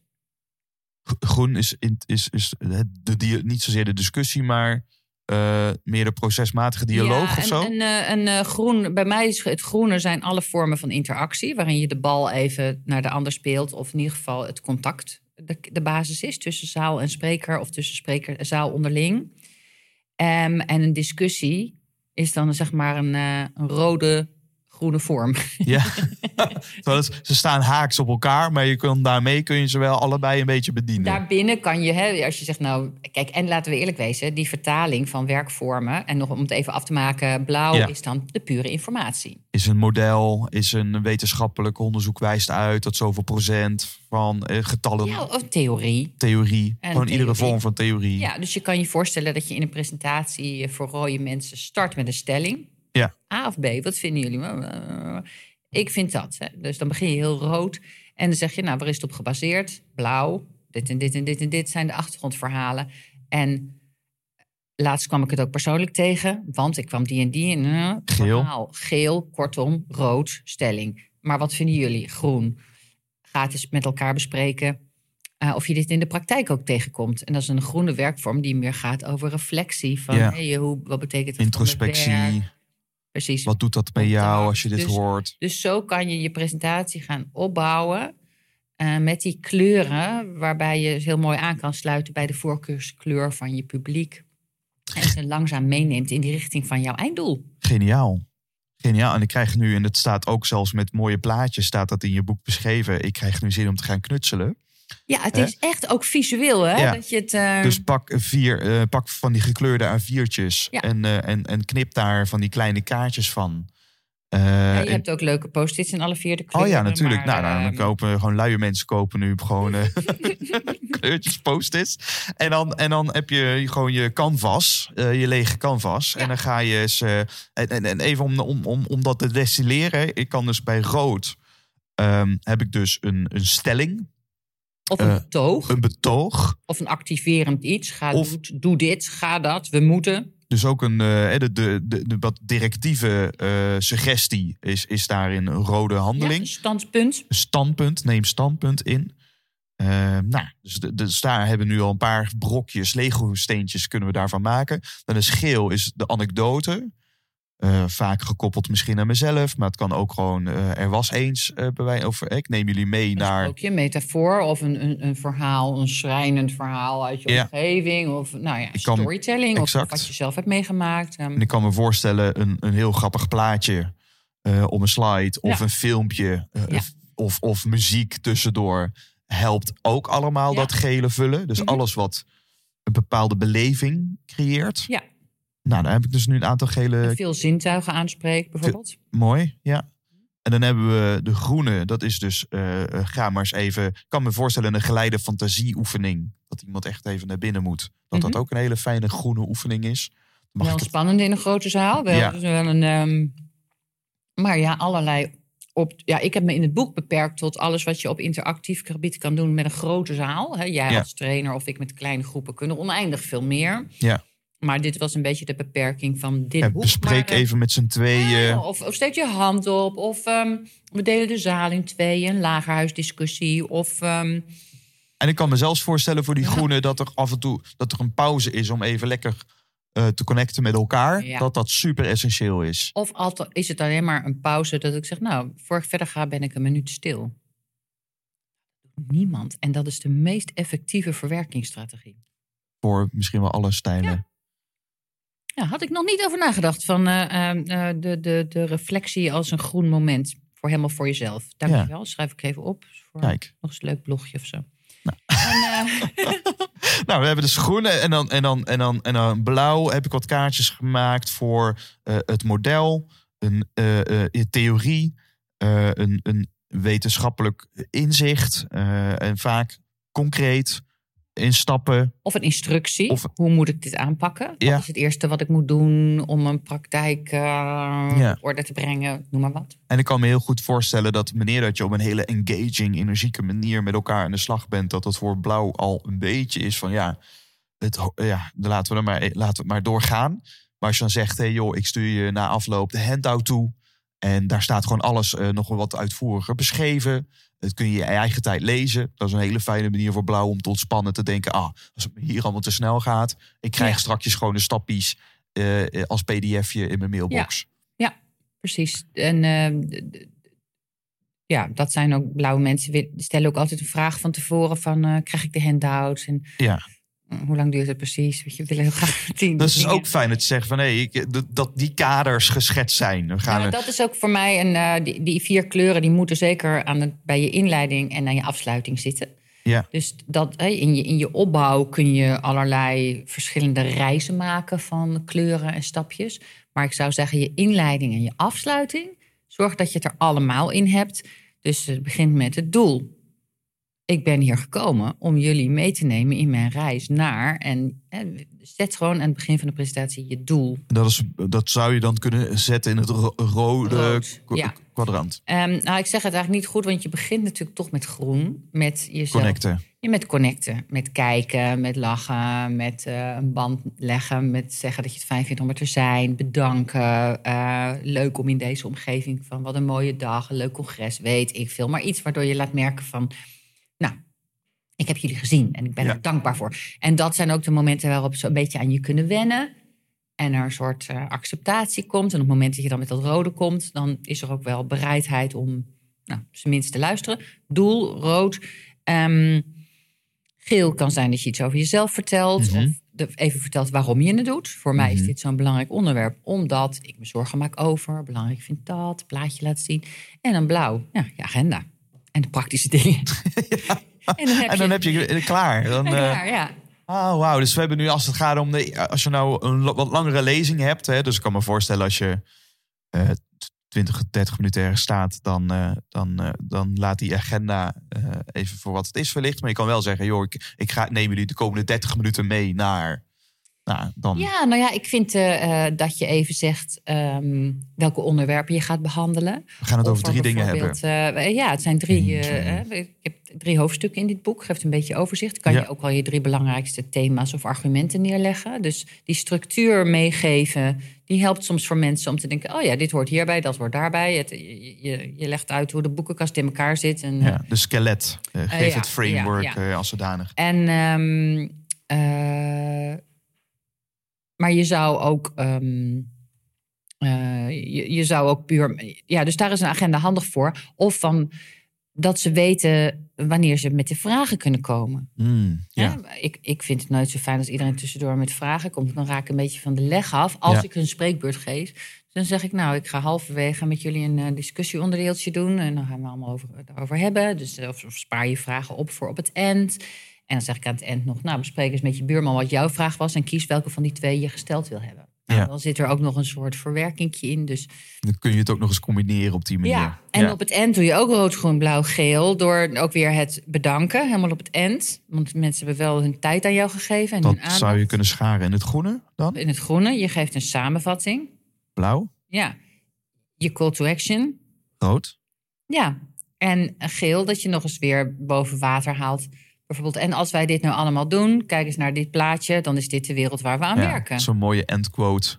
Een mooie eindquote. People don't care about weer- what you do. Or, eh, Ja, they dat je know. even in het hart geraakt wordt van los van al je praktische dingen en bezwaren. Dat je weer even geraakt wordt in je hart. Dat je denkt, oh ja, maar ik vind het echt belangrijk. Ja, En ehm, dus zo heb je die kleurtjes dan ook wel op het eind kan Ja. gebruiken. leuk. En dat heb ik allemaal uitgewerkt in het boek. Allemaal werkvormen in de kleuren. Maar ook ehm, podiumhoudingen, gedrag, non-verbale communicatie. Dus ik kan wel rood, blauw, geel of groen presenteren. Oké, dus zelfs als het gaat over dan... Oké, dus we hebben de inhoud. Tot nu toe hebben we het alleen nog maar over de Ja. inhoud gehad... en de vorm van ehm, van de groeten eigenlijk van je presentatie. Ja, Dus dat, daar heb je op een gegeven moment, zou je bij spreken met die kleurtjes, zou je jezelf een soort groeten eh, Ja. kunnen maken. Waarvan je dus in ieder geval weet dat in het begin en het eind alle kleuren even worden aangeraakt. Mhm. En de rest bepaal je dan gekoppeld aan het publiek wat je voor je hebt, zou ik me kunnen voorstellen. Maar daarna bij het oefenen, en dan komt het non-verbale erbij. Hoe, hoe ga jij dat doen? Dan, dan ook daar kun je rekening houden met die vier zeker. kleuren. Want ehm, eh, je kan mensen door hun gedragingen herkennen als ze in een bepaalde kleur, door hun spreekstijl. Bijvoorbeeld rode mensen die zullen wat sneller staccato, wat korter af, wat duidelijke statements. dit. De groene begint van, ja, goh. Ehm, ja, als ik, als, ik, ja, als ik naar mezelf kijk en ik voel hoe dat hier gaat. Nou, rood iemand denkt dan al van, Come on. nee, dus een andere spreekstijl. En dus op het podium is de, de blauwe spreekstijl is meer die van de leraar, de instructeur. De handbewegingen zijn ook bedoeld om extra te verduidelijken, ten eerste. Ten tweede, hè, je gebruikt de ruimte als het ware om, om te visualiseren de structuur van je verhaal. Ja. Of het een tijdlijn is of een... In ieder geval is je lichaam een instructiemiddel. En je staat wat meer aan de zijkant van het podium, omdat je heel vaak ook het scherm zal gebruiken. En het gaat om de informatie. En jij bent als het ware de tussenpersoon. En dus je bent wat meer aan de zijkant en dienstbaar aan het begrip van de stof. Ja. Nou, rood, standpunt, Die wil gewoon in het midden staan. die staat recht voor. Ja. Tata, hier sta Die ik deelt voor. nooit zijn podium met iets wat meer licht geeft dan hemzelf. Nou, dit vind ik weer, hier zit weer een klein moralistisch ondertoontje in. Want als jij eh, voor iets wil vechten, zul je in dat midden moeten gaan staan. Ja. En niet omdat jij daar vindt dat je haar zo mooi uitkomt, maar omdat dat de plek is waarop je laat zien: hier sta ik voor. Ja. En dat is waar ik mensen heel vaak bij moet begeleiden, omdat ze niet goed durven te gaan staan voor wat ze vinden. En dat is een heel fysiek ding. Dus eh, dat is heel mooi, hè? Dus de overtuiging. het- begint op overtuigingsniveau. Ik, ik vind iets, maar ik vind het lastig om dat daadkrachtig te brengen. En dat uitzicht dus fysiek, doordat mensen het heel moeilijk vinden om daadwerkelijk op dat podium te gaan staan. Precies. Het is bijzonder hoe dat. Ja, en dat- is het, dat is het paradoxale van. eh, het, hè, we hadden het net over: het gaat niet om jou. Ja. Dat is ook niet met spreken. Ik, ik, eh, het gaat niet om van: doe ik het goed?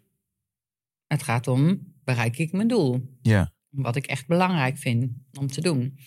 En helaas, of juist leuk, vraagt het van je om dan in het middelpunt te gaan staan. Dus jij moet in het middelpunt gaan staan om eigenlijk je gedachtegoed of je verlangen of je ideaal naar voren te krijgen. Over Ja. het voetlicht krijgen. Erover. Ja. De zaal in. Niet Ja. bij jou. Je bent geen zangeres of zo. Of een, weet ik wat. Dus eh, de rood eh, vraagt eh, ook stevigheid. Duidelijkheid. Geen lange zwetsverhalen. Korte zinnen. Een lagere stem. En geel, ja, geel is eh, acteren eigenlijk. Hè? Een stukje verhaal vertellen, dat doe je met verschillende dingen in je stem. Of een ander soort stemmetje. Of bewegingen. Dus exp- heel expressief verhaal vertellen. Ja, D- Dus dan mag je overal wel heen op dat podium. Als je maar de dus dat is meer betovert. bewegelijk. Bewegelijk, betoverend, Met verbeeldend. Je, je, je lichaam is expressie om die beelden te toveren. Kijk, Ja, precies. Eh, Ja, op de verre horizon. Je moet je lichaam helemaal dat verhaal laten zijn. En de groene spreekstijl is uitnodigend. Dus Ja. je maakt je kleiner, in Ja. zekere zin. Je neigt naar je publiek toe. Je gaat niet helemaal mid voor, maar iets meer aan de zijkant. Je nodigt uit. Je laat merken dat je het ontvangt, dat je het prettig vindt. Dus een bescheidene houding. Ja. En een veiligheidsbiedende houding. Ja. En een inclusieve houding. Nou, en dat zegt, is allemaal de plek waar je staat. Hoe je met je stem en je lichaam omgaat. Dus, maar dat is wel weer level, eh, level 4. Maar als je daarin een rood blok, ook met een rode werkvorm, een roodachtig beeld, rode taal versterkt, dan Ja. krijg je een heel congruent, krachtig ja, exact. geheel. Maak het congruent. En ja. afwisseling. Ja. Dus het gaat niet om van, is mijn presentatie leuk? Heb ik genoeg leuke plaatjes en filmpjes? Nee, het gaat om dat je mensen continu meeneemt naar hele andere belevingen, waardoor ze... Oh, dat, ze- ma- dat houdt ze ook scherp natuurlijk. Scherp, ja. Vanuit de gedachte dat je volgens mij ni- niemand meer... Ik, laatst een, eh, volgens mij 12 minuten norm. Je moet in iedere... Binnen 12 minuten moet, moet er even een verandering plaatsvinden... om mensen in ieder geval nog aangehaakt te krijgen. Ik vind dat nog best lang. En dat is best wel lang, hè? Ja, als je Ja. kijkt naar hoe snel we nu... Ik zou gemi- zeggen drie of zo. Ja, dat volgens mij gemiddeld krijgen we krijgen eh, gewoon hardwerkende mensen gemiddeld eh, om de vier minuten notificatie. Eh, dus als je bij wijze van spreken die telefoon al niet uit hebt staan, ben je dus per definitie binnen vier minuten wel een keer afgeleid. Ja. Doordat dat ding afgaat. Ach, nou, in, in, in een bepaalde setting kan je mensen natuurlijk best wel lang meenemen met een verhaal. Maar Maar het is in ieder geval fijn in die afwisseling. En dat, dat vind ik een hele mooie. Dat dus als je maar zorgt dat die stijlen. Hè, eh, eh, als je maar één stijl iedere keer doet. En Ja, als ik dan kijk naar mezelf, voorkeurstijl geel. Ja, als ik dus alleen maar eh, leuke verhalen aan het vertellen ben aan één stuk. En ik vergeet dan op een gegeven moment de stellinginname of de reflectie. Of eh, wel het model wat De erbij feiten. hoort. De feiten. Ja, dan ga ik gewoon eh, een, een grote groep mensen kwijt. Ja. Ehm, en wat je noemde groen, hè, dus het is, je maakt het klein. En ik, ik doe natuurlijk ik heb meer trainingen dan dat ik grote lezingen doe voor groot publiek. Maar wat ik vaker bij trainingen bewust doe, voor die groene stijl, is gaan zitten.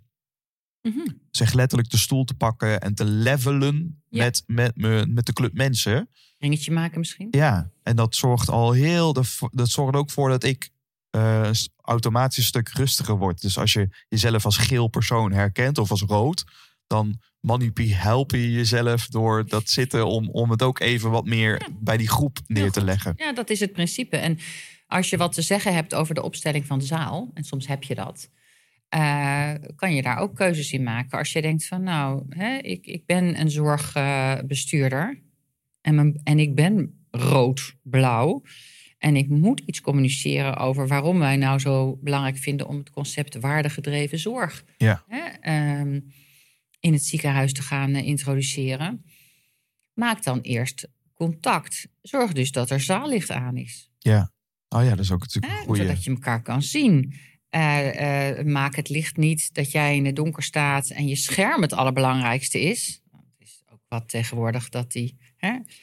Maar goed, die PowerPoint-dominantie eigenlijk. ja. Ehm, maar ga persoonlijk van persoon tot persoon recht ervoor staan. Dus wel recht voor in het rood, maar wel met licht en een soort kleur achter je. Of een lichtsfeer, of weet ik wat, waardoor dat groene wat benadrukt wordt. En ga eerst eens contact leggen en eh, in op iets wat speelt of wat mensen bezighoudt. En dan ga je langzaam naar je punt. Mooi. Mooi zeg. Ik vind het waanzinnig interessant omdat het. ehm, Omdat het een, heel, een hele fijne kapstok is om, om, om je eh, methode of jouw eh, de route aan te koppelen. Ja. Dat vind ik. Ja, en Dat- die route die, eh, sorry dat ik je onderbreek. ehm, die route is ook fijn omdat je daarmee bepaalde stappen in je hoofd hebt. Ik oefen ook wel eens speeches met mensen, want ik werk met als sprekerscoach. Da- Dan ga ik echt het verhaal eruit halen en dan gaan we samen die lijn bouwen en uitwerken en met dan beeld erbij bedenken en dan staging. En dan eh, zijn er duidelijke stappen, hè? want Ja. je neemt je publiek, net als ik in mijn boek mijn publiek meeneem van drie dagen, of wat was het, van drie maanden naar drie seconden. Ja. In al die stappen neem je als spreker ook je publiek mee in stapjes. Ja. Zie je zelf maar een trap oplopen, denk je, oké, ik heb ze hier. Volgende stap. Oh, ze zijn mee. Nou, klaar voor de volgende stap. En dat kan je ook visualiseren. En ook bij een speech, dat je denkt: oh ja, dit stuk doe ik daar, dat stuk doe ik daar, dat stuk doe ik daar. Het zijn, je kan opnieuw ademhalen. Het is dus een nieuw hoofdstukje van een boek waar je weer even reset. Geeft ook rustmomenten daarin. En dat maakt het makkelijker te onthouden. Ja. En geeft meer grip op je totale presentatie. Ja. En niet slide 1 tot en met 50. Ja, en dat zorgt er dus inderdaad ook voor dat je focus verandert dan puur sec eh, de inhoud.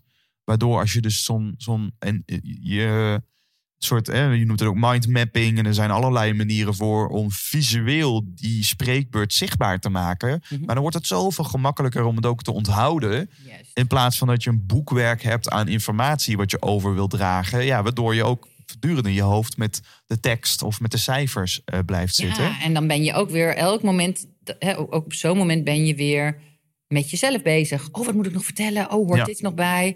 En je kan beter je boodschap wat kleiner maken en hem beter uitwerken. Dus liever een, een beperkt idee, dus een, een, een hele duidelijke korte kernboodschap die je uitwerkt met een verhaal, met een oefening, met een voorbeeld, met cijfers, met iets visueels, waardoor diezelfde boodschap herhaald wordt en meerdere ja, type intelligenties of eh, manieren van informatie verwerken Ja. aanspreekt, dan heb je veel meer effect dan wanneer je denkt, ja, maar dit nog en dit nog en dit nog.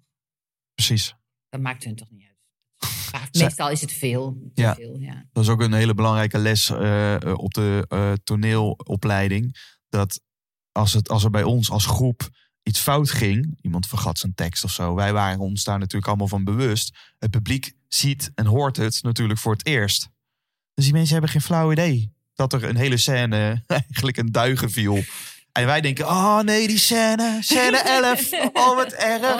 En we komen naar buiten. Ja, en niemand die erover over praat. Had geen idee, weet je wel. We Nee, zien- ze miste 11b ook, alleen die heeft nooit bestaan. precies, precies. Hey, we hebben nu eigenlijk al, al heel mooi een aantal eh, onderwerpen doorgelopen die jij ook in je boek eh, hebt beschreven. Eh, jij, jij beschrijft als eerste, het begint met die ambitie. Nou, hij heeft het kort over gehad. Hè. Het begint over wat is nou jouw doel? Waarom wil jij op dat podium staan? Ja. Hè, de- daarna ga je het hebben over die route. Nou, daar hebben we het over gehad. Mhm. Over eh, de kleuren ook, die je Ja. dan mee kan nemen. Eh, tools beschrijf jij ook. Heb je een paar, de korte, waar moet ik dan aan denken als je het hebt over tools? Nou, we hebben het eigenlijk al eh, besproken van wat zijn, ehm, als je nou bedacht hebt van dit is een, een, een blauw stuk in mijn presentatie, hier wil ik wat kennis over brengen. Dan vind je in dat hoofdstuk tools allerlei werkvormen die je dan kan gebruiken of didactische principes of ja, hoe je dat dan doet. Bij de rode werkvormen staat beschreven hoe je een betoog opbouwt. Bij de groene werkvormen staan allerlei variaties beschreven van eh, interactieve werkvorm met een grote zaal. En bij geel vertel ik hoe je verhalen opbouwt, wat de principes zijn. Dus dat zijn tools, is eigenlijk de, de vorm Ja. van de inhoud. Ja, exact. Dus dan heb je eerst de inhoud heb je dan gedaan. Daarna ga je dus vormen koppelen aan die route die je Mhm, hebt gemaakt. Eh, daarna ga je oefenen. Nou, daar hebben we het net ook al gehad over hoe je non-verbaal eh, dingen eh, Ja. zo kunt in ehm, ja, bewerken, aangekoppeld aan de verschillende stijlen. Ja, en daarna dan is een onderwerp waar je het over hebt, is de check. Een heel belangrijk moment, een checkmoment, dat je contact hebt met ofwel je klant ofwel een dagvoorzitter. Mhm. waarom heb je daar apart een, een onderwerp aan gewijd? Ehm, nou, omdat het dus gaat, die overstap naar een grote zaal. En die grote zaal geeft allerlei mogelijkheden, maar ook allerlei nieuwe dimensies. Dus je krijgt ineens te maken met een soort theaterachtige omgeving. Ja, waarin je kan kijken. ehm, eh, ja, je, je, je kan gaan bedenken wat we net zeiden. hey, ik wil zaallicht aan of uit. Hoe groot is mijn podium? Wat kan ik daarop? Waar sta ik precies? Waar ben ik in het licht? Ehm, hoe werkt dat met dat geluid hier? Dus je hebt met techniek te maken, met eh, geluidsmensen, belichting, de PowerPoint. Alles is, het is complexer. Ja. Het kan meer, maar het is complexer. En het is gewoon heel belangrijk dat je even checkt of het allemaal is wat je bedacht had, of het werkt. Ja. Dat je daar rustig over kan zijn. Ja. En vooral ook dat je zo'n podium even aanvoelt. Dus ik vind altijd, ehm, ga echt als je maar kan op tijd er zijn en even op zo'n podium rondlopen, zodat het eh, een beetje jouw plek is. Ja. Je- She looks as if she owns the place. Dat Mm. gevoel van, dit, is- dit is mijn plek. Hier ben ik, ik weet ongeveer waar ik heen kan, wat de, wat de plekken zijn, hoe kom ik het podium af en mijn opkomst, waar leg ik mijn spullen neer, heb ik een tafeltje. Ben ik hier, dit is even je werkruimte voor een topprestatie van eh 20 minuten. Dus ehm, dat, is, ja, dat heb je niet als je gewoon eh, live voor een kleinere groep spreekt. Het komt er nieuw bij. Dus daarom vond ik het belangrijk om dat erin te zetten. super waardevol, omdat ik me heel erg kan voorstellen dat dit eh, snel vergeten wordt. Sterker nog, als ik spreek voor mezelf, eh, ik heb pijnlijk, eh, pijnlijk moeten constateren dat als je niet checkt, je de aanname doet dat dingen op een bepaalde manier geregeld zijn. En eh, nou, dat is vaak niet zoals ik het in mijn hoofd had. Ja, Dus dat je dus eh, het kwartier voordat je op moet erachter komt dat de, de PowerPoint op hun computer helemaal vervormd raakt en totaal niet meer is wat jij had gemaakt. Of dat, dat ik al even in de mail had gezet, joh, ik wil graag dat, dat, dat ik op het podium mijn muziek kan bedienen. Nou, dat, dat lukte niet, want er zat helemaal achter in de zaal. Ja, zat dan zo'n zo'n stagiair die eh, dacht van, oh, dat weet ik zelf ook niet. Maar daar zat de muziek aan. Allemaal dat soort zaken. ja. Dat je denkt, hé, hey, ik heb dat allemaal voorbereid. Maar als ik het niet check daar ter plaatse. Ja, dan gaat dat hele mooie, die hele mooie route die ik heb eh, bedacht. eh, gaat toch anders dan dat ik had voorgenomen. De- ja nou, dat, dat gebeurt heel vaak. En het, eh, het is ook, je bent ter plekke ook wel een soort team. Ja. Je hebt een organisator, een congresorganisator of een, of een communicatiemedewerker. Je hebt mensen van techniek in de zaal. Weet je, het zijn ook allemaal mensen die daar werken. En Ja. die, die daar ook zitten om te zorgen dat het bij jou goed gaat. Ja. Maar als jij ze niet eh, gedag zegt, je weet niet hoe ze heten... en je hebt niet even iets aan ze gevraagd hoe dingen werken... dan denk je dan dat ze echt hun best voor jou gaan doen. Weet je, dus ook daar is het weer van eh, care. Hè? Ja. Leg ook gewoon even contact en kijk wat voor hun belangrijk is om. eh, want ik kan wel allemaal dingen willen, maar als hij dan zegt, ja, technisch gezien krijg ik het dan niet rond of zo. Dat is nou eenmaal zijn beperking en eh, daar kan je naar vragen van Ja. wat heb jij nodig, dit heb ik nodig. Wat ik wel interessant vind, ik ben benieuwd naar jouw ervaring. Ook gekoppeld waar we het nu over hebben. Hoe, hoe flexibel moet je blijven? Eh, je hebt dus die route uitgestippeld. Daar heb je grondig over nagedacht. Maar je gaat het doen. En dan is het toch altijd het moment dat, dat, ja, dat, wat jij had voorgenomen, dat probeer je dan te, eh, probeer je over het voetlicht te Mhm. brengen. En je merkt, eh, loopt die toch allemaal wat anders. Of de vorige spreker, die heeft iets op een bepaalde manier Oh, ja, ja. gedaan. Waardoor ja, de flow ineens anders is dan ik had voorgenomen. Hoe belangrijk is het dat je daarop anticipeert op mijn Maas en Prem? Nou ja, de vraag stellen is het antwoord kennen. Hè? Dus dat is heel belangrijk. Ja. Ja. En hoe, hoe, hoe help jij mensen daarmee? Nou, ehm, kijk, ik denk je hebt eh, een heel arsenaal aan, aan inhoud, de revue laten passeren in je voorbereiding. En sommige dingen heb je in je presentatie gestopt, andere niet. Je hebt Mhm. research gedaan naar, die, naar je, je publiek, het onderwerp, et cetera. Dus dat hele domein aan, aan kennis en dingen zit in je hoofd. En je hersens zijn normaliter wel in staat om daar gewoon op het goede moment een goede beslissing in te nemen. Hè? Ik kom in een, ook privé, je komt in een rare situatie, je bent je sleutels kwijt en tak, tak, tak, tak, je bedenkt iets. Want je herkent, ergens zit in je hoofd al die oplossingen of je weet de route er naartoe. Je hoofd kan dat. En dat kan op het podium ook. Maar waarom lukt het vaak niet? Stress. Ja. Oh god, wat moet ik nu doen? Dus, en het zijn situaties. ehm, eh, sommige situaties kan je op voorbereiden. Ik Mhm. heb er ook in mijn boek een heleboel beschreven van drama 1 tot en met 10. En eh, wat doe je dan? Ja. En dus je kan ook eh, worst scenario's bedenken van tevoren. En denken, nou stel dat nou de, de stroom uitvalt. Wat Ja. doe ik dan? Ja. Nou, kan ik altijd nog met mijn handouts of ik pak een flip over of weet ik veel. Of... Dus je kan al wat scen- noodscenario's klaar hebben liggen. Dat is het ene. En het tweede is, probeer ontspannen te blijven of weer ontspannen te worden.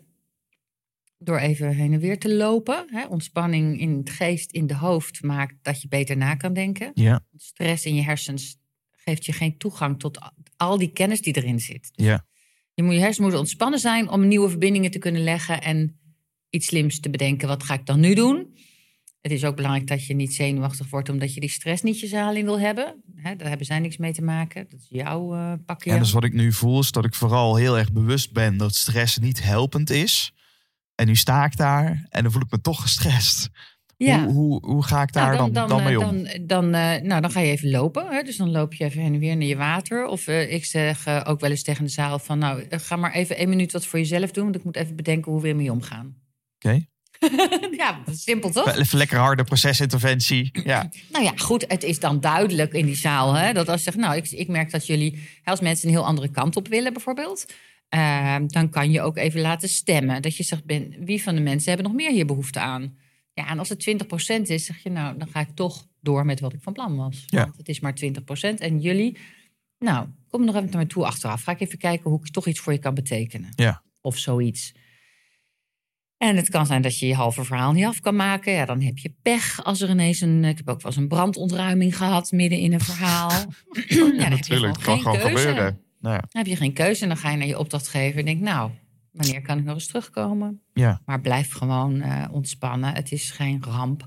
Geef jezelf een beetje tijd om erover na te denken. En beweeg even, want inderdaad het lopen... hè, ook als je denkt van, oh god, ik krijg een blackout. Ga gewoon lopen, want door dat fysieke beweging... komt in je hersenen weer ruimte. En dan kan je, denk je, ah, daar was ik mee bezig. Mooi, mooi, goede tip. Hey, daarna heb jij een, een hoofdstuk gewijd aan uitstraling. En Mhm. wat daar wel heel interessant is, is dat jij het eh, voornamelijk hebt over de kracht van charisma. Mhm. En er is een, eh, een dame, Olivia, zegt dat Mhm. goed? Olivia, wat is haar volledige naam? Olivia Fox Cabane. Exact, zij heeft het boek geschreven, The Charisma Myth. Ja, En, eh, en ook in de voorbespreking die we hadden, kwamen we daarop terug. Hoe, Mhm. ja, hoe ontzettend belangrijk en interessant dat gegeven is. Hè? Want daar, we hebben vaak de aanname dat charisma eh, aangeboren is. En dat heb je of dat heb je niet. Terwijl het zij heeft onderzocht, nee, ook charisma of charismatig zijn is een skill, een vaardigheid die je kan ontwikkelen. ja, en ook een innerlijke houding. Exact. Nou, nou, ik vind wel, wel voordat we ook langzaam naar de afronding gaan. Ik vind het, eh, vind het wel fijn om daar nog, nog, nog kort over te hebben met jou. Hoe, eh, hoe werkt dat? Hoe werkt charisma? Nou, ik praat haar dan na. Hè? Dus eh, dit is, eh, ik weet niet of dat een plagiaat of inspiratie is, maar dit heb ik niet zelf bedacht. Maar ik vind het wel briljant eh, opgezet. Ja, we hebben de haar. bron bij deze ook genoemd en, en Ja. geëerd. Dus Oké, prima. dan mag het. Ehm, zij ziet de drie elementen van charisma. En dat is uiteraard weer gebaseerd op eh, ehm, analyse van charismatische mensen. En de, de elementen zijn presence. Ik doe het maar even in het Engels, want ik heb het ook in het Engels gelezen. Presence, power en warmth. Mhm. En eh, presence is het, het aanwezig zijn, alert aanwezig zijn in het moment. Hè, dat iemand, en dat, dat zou je ook kunnen zeggen, aandacht geven. Ja. ja, als ik Ah. volgens mij kijk naar de Nederlandstalige vertaling, dan benoemen ze het als aandacht, Aandacht? inderdaad. Oké, Ja. oké. Maar ik vind aanwezigheid of aandacht bij jezelf ook belangrijk. Hè? Van hoe sta ik, hoe voel ik me op dit moment? Oh, ik vind dit wel spannend. Ben ik aanwezig in de ruimte? Zie ik de mensen? Ben ik aanwezig dat ik ook doorheb wat het doet met mijn publiek als Ja. ik wat zeg? En dat ik niet met mijn hoofd hè, bij de volgende slide ben. Ja, dus dit is al heel belangrijk. Hè. Zit ik in mijn kop? Eh, ik eh, echt? zit ik, zit Ja. ik vast? Ja. Of, of ben ik, eh, ben ik, sta ik open en ben ik ontvankelijk voor Ja. wat er gebeurt in die ruimte? Precies, want het gaat erom dat jij wil overbrengen wat je vindt, wat je voelt, wat je denkt aan je publiek. Ja. Dus die lijn, die open lijn, die communicatie, die aandacht en het aanwezig zijn, die moet er echt wel zijn. Het tweede element is power. Mhm. Ehm, charismatische mensen hebben ook, zijn leiders. Ja. Dus die uitstraling van de leider, en dat, ehm, die is belangrijk. En dat gaat terug naar hele dierlijke principes. Hè, gewoon puur van beweeg ik naar voren of naar achteren. Maak ik me klein? Heel veel mensen maken zich klein. Hè? Vrouwen die doen hun armen over elkaar, die zetten hun benen zo gekruist naast elkaar. En die staan op een plekje in de zaal alsof er iemand een stolpje om ze heen heeft gezegd, gezet en heeft gezegd: eh, Jij mag hier niet buiten komen. Ja. Dus dan maak je je klein en dan heb je, doet afbreuk aan jouw leiderschapsuitstraling. En laten we eerlijk wezen, als je op dat podium staat, heb je de leiding. Ja. Ben je de leider, dus gedraag je als een leider. En alles waardoor je meer ruimte inneemt, vergroot dus die power, dat onderdeel van charisma. En ruimte kan zijn eh, met je lichaam zelf, het gebruik van de ruimte, eh, de intensiteit van je woorden, je volume, maar ook de tijd die je neemt voor iets. Praat je rustig, omdat je gewoon de tijd neemt, want het is belangrijk. Of ga je heel snel praten en denk je, nou, ik ben zo weg hoor. Dus dat, al dat soort dingen, ruimte innemen in, in, in tijd, hoe het eruit ziet en geluid, geven wat van jouw power, waardoor mensen denken, nou, ze is erbij, maar ik geloof ook dat zij het, aan, dat zij het zal kunnen dragen. Ja. Ik, ik vertrouw het leiderschap. Maar alleen als het ook gekoppeld wordt aan het derde element, Ja. warmth. En dat is waar we het al eerder over hadden. Het gevoel dat jij merkt dat ik ook in jouw belang spreek. Ja. En als je terugdenkt waar we het net over hadden, over die mindmap met al die informatie en die empathy map of zo van je publiek, dan heb je die beweging van, maar hoe is het voor hen, heb je natuurlijk al in de voorbereiding ook gemaakt. Ja. Maar ter plekke is het ook nog belangrijk. Want als iemand denkt van ja, leuk type, heel eh, krachtig en eh, heel alert en eh, erbij, maar uiteindelijk gaat hij er iets doordrukken wat ik echt niet wil en wat niet in mijn belang is, dan gaat iemand niet mee. En nogal wie dus, zou je kunnen Ja, zeggen. Zeker niet als het dus. in, in, hun- Ja. in hun, hun voordeel is of belang. Ja, Eh, en, en je zegt heel duidelijk, eh, volgens mij is warmth dan naar hartelijkheid eh, vertaald. De, de mens, ja, je hebt gewoon een likability nodig. We hebben het in de eerdere podcast ook meerdere malen over gehad. Kijk, als mensen jou afkeuren als, als, als persoon, hè, dus dan denk van ja, ik, ik voel hem gewoon niet. Ja, dan wordt het gewoon echt heel erg lastig om dan nog te beïnvloeden. Ja. Eh, En dat, dat, ja, likability is, vind ik een, best een moeilijk woord. Van, eh, omdat ik vind dat eh, je op moet letten met die I, I want to be liked. Het gaat, er, dat is, het gaat niet om jou. Ja, dan komt die intrinsieke behoefte weer erbij. Dat is Dus- natuurlijk likability hebben, net zoals credibility. Eh, Ja. Dus geloofwaardigheid of eh, nou, gewoon ik mag jou als individu. Ja, ik, ik, ik zie het meer als eh, eh, ga jij, eh, spreek jij. Ik kan, ik kan iemand wel heel leuk vinden op het podium, een heel grappig iemand, maar meer als een entertainer. Maar dat ik denk, ja, dit is niet iemand die zich in mij verdiept Hmm. heeft of mijn belang voor ogen heeft. Maar Ja. ik vind hem wel heel leuk. Ah ja. Dus Maar- de nuance hierin is de likability kan ook zijn, hey, ik voel, ik voel het is vermakelijk, Ja, maar het is nog niet per se gefocust op wat ik belangrijk vind of ik voel niet die empathische connectie waar je het over precies. had. En charis- charisma gaat over eh, dat mensen gevoelsmatig makkelijk met jou meegaan. Ja. Omdat ze denken dus dat je, dat je goed oplet, dat je er goed bij bent, dat je sterk bent en dat je in hun belang handelt. En dat zijn natuurlijk hele oerdingen. Hè? Ja. Denk van, eh, achter welke leider schaar ik me in deze stam? Ja. Degene die wel een beetje sterk is, want ja, die kan anders eh, de ander niet in de pan hakken. Of ons beschermen. Dus is echt haast op biologisch niveau eh, wordt dit onbewust Ja, manifesteert is zich dit dit. ons belang? Zal hij ons belang behartigen? Ja, of of gaat me- hij alleen maar voor zichzelf? Is het een heerser die, die, die, die uiteindelijk sterk wordt, maar zijn achterban laat vallen Ja. als een baksteen? En daar zijn er in de wereld heel veel van. Ja, ja, ben ik moe. Ja, en het, ik kan me ook heel goed voorstellen de, eh, de, de, het resultaat van krachtig zijn of eh, power. Ik moet ook meteen aan Power Poses denken van Amy Cuddy. Ja, heel, heel handig. Of Presence heet, heet dat boek, hè, volgens mij. Eh, met dat poppetje, dat houten poppetje. Volgens mij is dat Weet ik niet. Presence. En dat, dat zij heeft dus hebben, weet, een prachtige TED-talk ook. Ja, ik ken wel die. eh, dat waarin ze heeft ja. bewezen dat hè, gewoon eh, doe dat niet op het podium zelf, maar doe dat bij spreken gewoon achter eh, in je kleedkamer of zo, maar door gewoon bepaalde poses in te nemen, ontstaan er gewoon bepaalde hormo- komen er bepaalde hormonen vrij die gewoon maken dat en jij ontspant. is de oudste manier van praten. Hè? En, en ik, ik zeg ook wel eens van, eh, hoeveel, hoe zit het ook alweer met die verhoudingen van non-verbaal en inhoudelijk? Hè? De, de mate waarin, ehm, wat gaat dat percentages van, eigenlijk is 80% of 60% of 70% van je overtuigingskracht zit in het non-verbale. Ja. Nou, als jij een presentatie voorbereidt, hoeveel tijd besteed jij dan aan het nadenken over die non-verbale communicatie?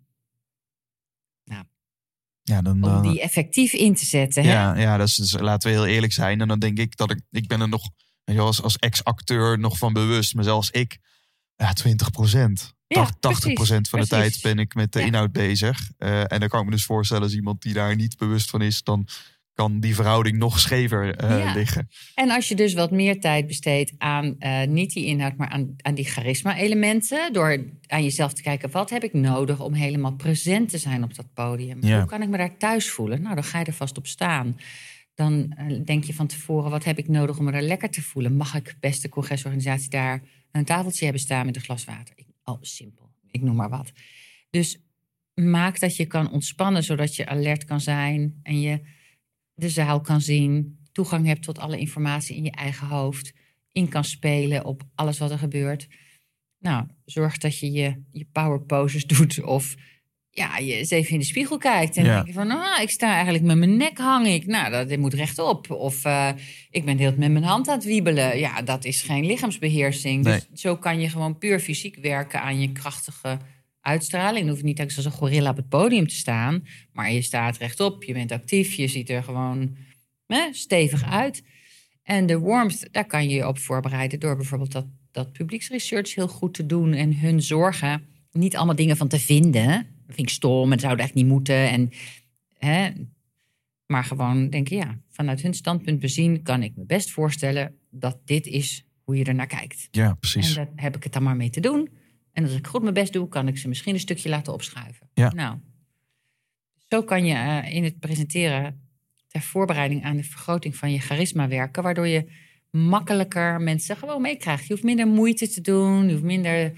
Ze gaan gewoon makkelijker mee. Ja, mooi. En ik kan me heel goed, ik kan me heel goed voorstellen dat dit dus de bewustwording hiervan en ook ja, hier aan en spenderen dat het heel goed is dat je dit hebt gedaan. La- later in het boek, eh, net voordat je op moet bijvoorbeeld, eh, staat hier volgens mij letterlijk drie minuten voordat je opkomt, ben je Ja. dan bewust van je uitstraling. Daar waar het, nu ga je, ben je bezig met die add-ons. Dus, dus als jij als je niet geen als je, als je al geen ambitie hebt zelf en je hebt geen duidelijk doel voor ogen en je hebt ook niet je reis afgestemd eh, op, op wat er in de zaal zit, ja, dan kun je nog wel met een power pose opkomen, maar dan, dan, dan vermenigvuldigt het zich niet. Ja, en dat is wat ik dus een beetje eh, miste in de boeken die er tot nu toe waren over presenteren. Het is meer van handige tips. En heel veel eh, mensen die bij me komen, die willen dan ook tips. Maar voor mij is het zo contextueel bepaald. Ja, Hè, je, je, ehm, bij het, wat goed is bij het ene publiek is fout bij het andere publiek. Of Ja. het ene moment of het andere moment. En als je beter wil worden als spreker, dan ga je je. En je bent een soort vertaler, vertaler dan ja, raak je steeds beter afgestemd. Je kan daar beter mee variëren en puzzelen. En, ehm, dus het is eerder een manier van denken en een innerlijke houding dan dat je zegt je moet altijd rechtop staan. Of je moet op die plek staan op het podium. Ja, soms niet, soms wel. En ja, daar gaat het om. exact. Mooi. Judith, volgens mij zijn we, eh, zijn we eigenlijk door de basis Ja, facetten van jouw boek eh, heen gelopen. Ehm, voordat wij naar de laatste ontspotvragen gaan, mhm. ehm, is er nog iets wat je, wat, je, wat je wilt delen, waarvan je zegt, hé, dat is nog niet benoemd, maar dat vind ik wel belangrijk dat dat nog voorbij komt. Ja, ik vind het belangrijk dat eh, nog om te zeggen dat ik eh, een deel van mijn werk is om eh, mensen te begeleiden bij het maken van zo'n spreekbeurt. Dus Ja. als iemand luistert en die denkt, nou, ik wil er nou wel eens werk van maken en ik ga in, weet ik het, drie sessies van twee uur met Judith is die spreekbeurt opzetten rond mijn boek of ehm, voor dat belangrijke moment dat ik moet praten over de fusie van het bedrijf of we bestaan 50 jaar, eh, dan vind ik het heel leuk, beste luisteraar, als je naar me toe komt en dan gaan we daar iets geweldigs van maken. Mooi. En via welke weg komen ze bij jou terecht? Nou, ehm, via hooggeëerdpubliek.info of via Judith de Bruin met een lange ei.nl. Eh, ik ben wel vrij goed vindbaar. En ehm, ja, dat samen met iemand werken aan de inhoud. Meestal ga je naar een presentatiecoach om je manier van spreken te eh, verbeteren. Ja. Maar ik vind die puzzel samen maken en een prachtige compositie samen met iemand ontwerpen die echt ook van hem of haar is geworden. Dat is wel ook voor mij een grote kick. Mooi. Nou, die call to action is gemaakt. Ja, Ja, ook belangrijk. Hey, dan gaan we naar de ontspotvragen. Het zijn vragen die ik aan iedere gast stel. Eh, kijk maar wat er als eerste in je opkomt. Alle antwoorden zijn goed. Ready? Mm-mm. Alright. Wat is een boek wat je zelf het meest cadeau hebt gegeven of wat je enorm heeft geïnspireerd? ik hou het dan toch een beetje in de presentatiesfeer. En ik zou het boek Resonate willen aanraden van Nancy Duarte. Dat is een Amerikaanse presentatiespecialist. Heeft heel mooi laten zien hoe de reis van de held, die je in films ziet, in boeken, hoe je die ook als spreker kan gaan gebruiken. En dat, eh, dat ja, Goeie uniek en aanrader. een mooi boek. Prachtig boek ook. Het ziet er ook echt eh, mooi... Kent het? ja, ja, ja, het is een mooi boek ook. Ja, Ja. nou ja, en Charisma moet je ook zeker lezen. Maar dus we deze hebben- wou ik er even uitpikken. Dus we hebben eigenlijk eh de Charisma Myth en Resonate. Ja. Eh, twee prachtige boektitels. Ja, ik, ik heb in dit boek, ik ben een overtuigd auto, autodidact. Maar ik heb in dit boek toch wel vijf boeken op de literatuurlijst staan. maar liefst. Soms hebben mensen echt eh, twintig pagina's aan. eh, Nee, en- ik wou mijn eigen methode bedenken. En alles wat ik. Nou, heel veel dingen die ik las leidden mij af. Maar goed, tot slot waren we mee bezig. yes. Ja. Ehm, tweede vraag is: wat is een gadget wat je hebt eh, gekocht? Eh, ongeveer tot 100 euro, wat je eigen leven nou, een beetje beter heeft gemaakt.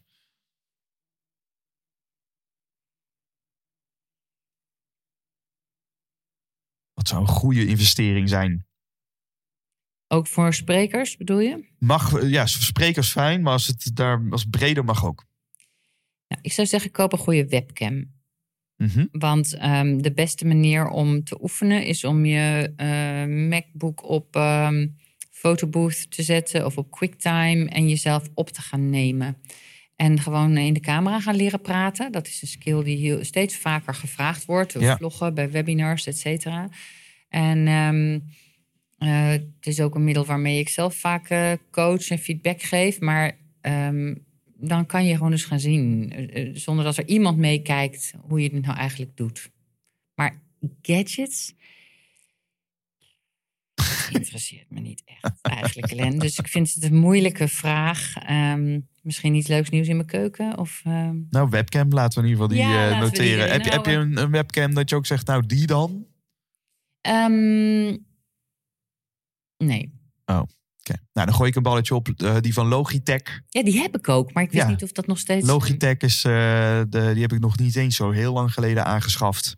Ook voor webinars is dat een hele fijne. Want met webinars is met je telefoon weer lastig. Want je telefoon tegenwoordig zitten daar gewoon super goede camera's in. Maar voor webinars of eh, voor computerdoeleinden, dan staat het ook meteen op je computer. Is ook Ja. wel weer lekker gemakkelijk. Hoef niet te klooien met die telefoon. Eh, Logitech biedt voor 100 euro of zo heb je Ja. Een fantastische HD-webcam. Nou, ik, ik doe het zelfs zo soms dat ik... eh, we zijn gewend om teksten soms te schrijven... en dan schrijven de meeste mensen schrijftaal. Maar je moet, als je schrijft voor spreken... moet je spreektaal gaan schrijven. Ah, ja, Op ja. het moment dat je denkt, wat wil ik nou eigenlijk vertellen hierover? En je begint gewoon, eens, zeker voor extraverte mensen... je begint gewoon eens een beetje in die webcam eh, te, te kletsen. ja. En dan denk je, oh ja, zo moet mijn verhaal zijn. En dan schrijf je dat op. Kijk. Dus ga andersom niet eerst schrijven en dan oefenen... maar ga eerst gewoon praten En voilà. schrijf het dan op. heeft die vraag toch nog een hele praktische tip teweeggebracht. hey, eh, Judith, je mag een uitgangsbord plaatsen waar miljoenen mensen langskomen. Wat zou jij op dat uitgangsbord plaatsen? Heb elkander lief. Punt. Wie is voor jou persoonlijk een voorbeeld of inspiratiebron?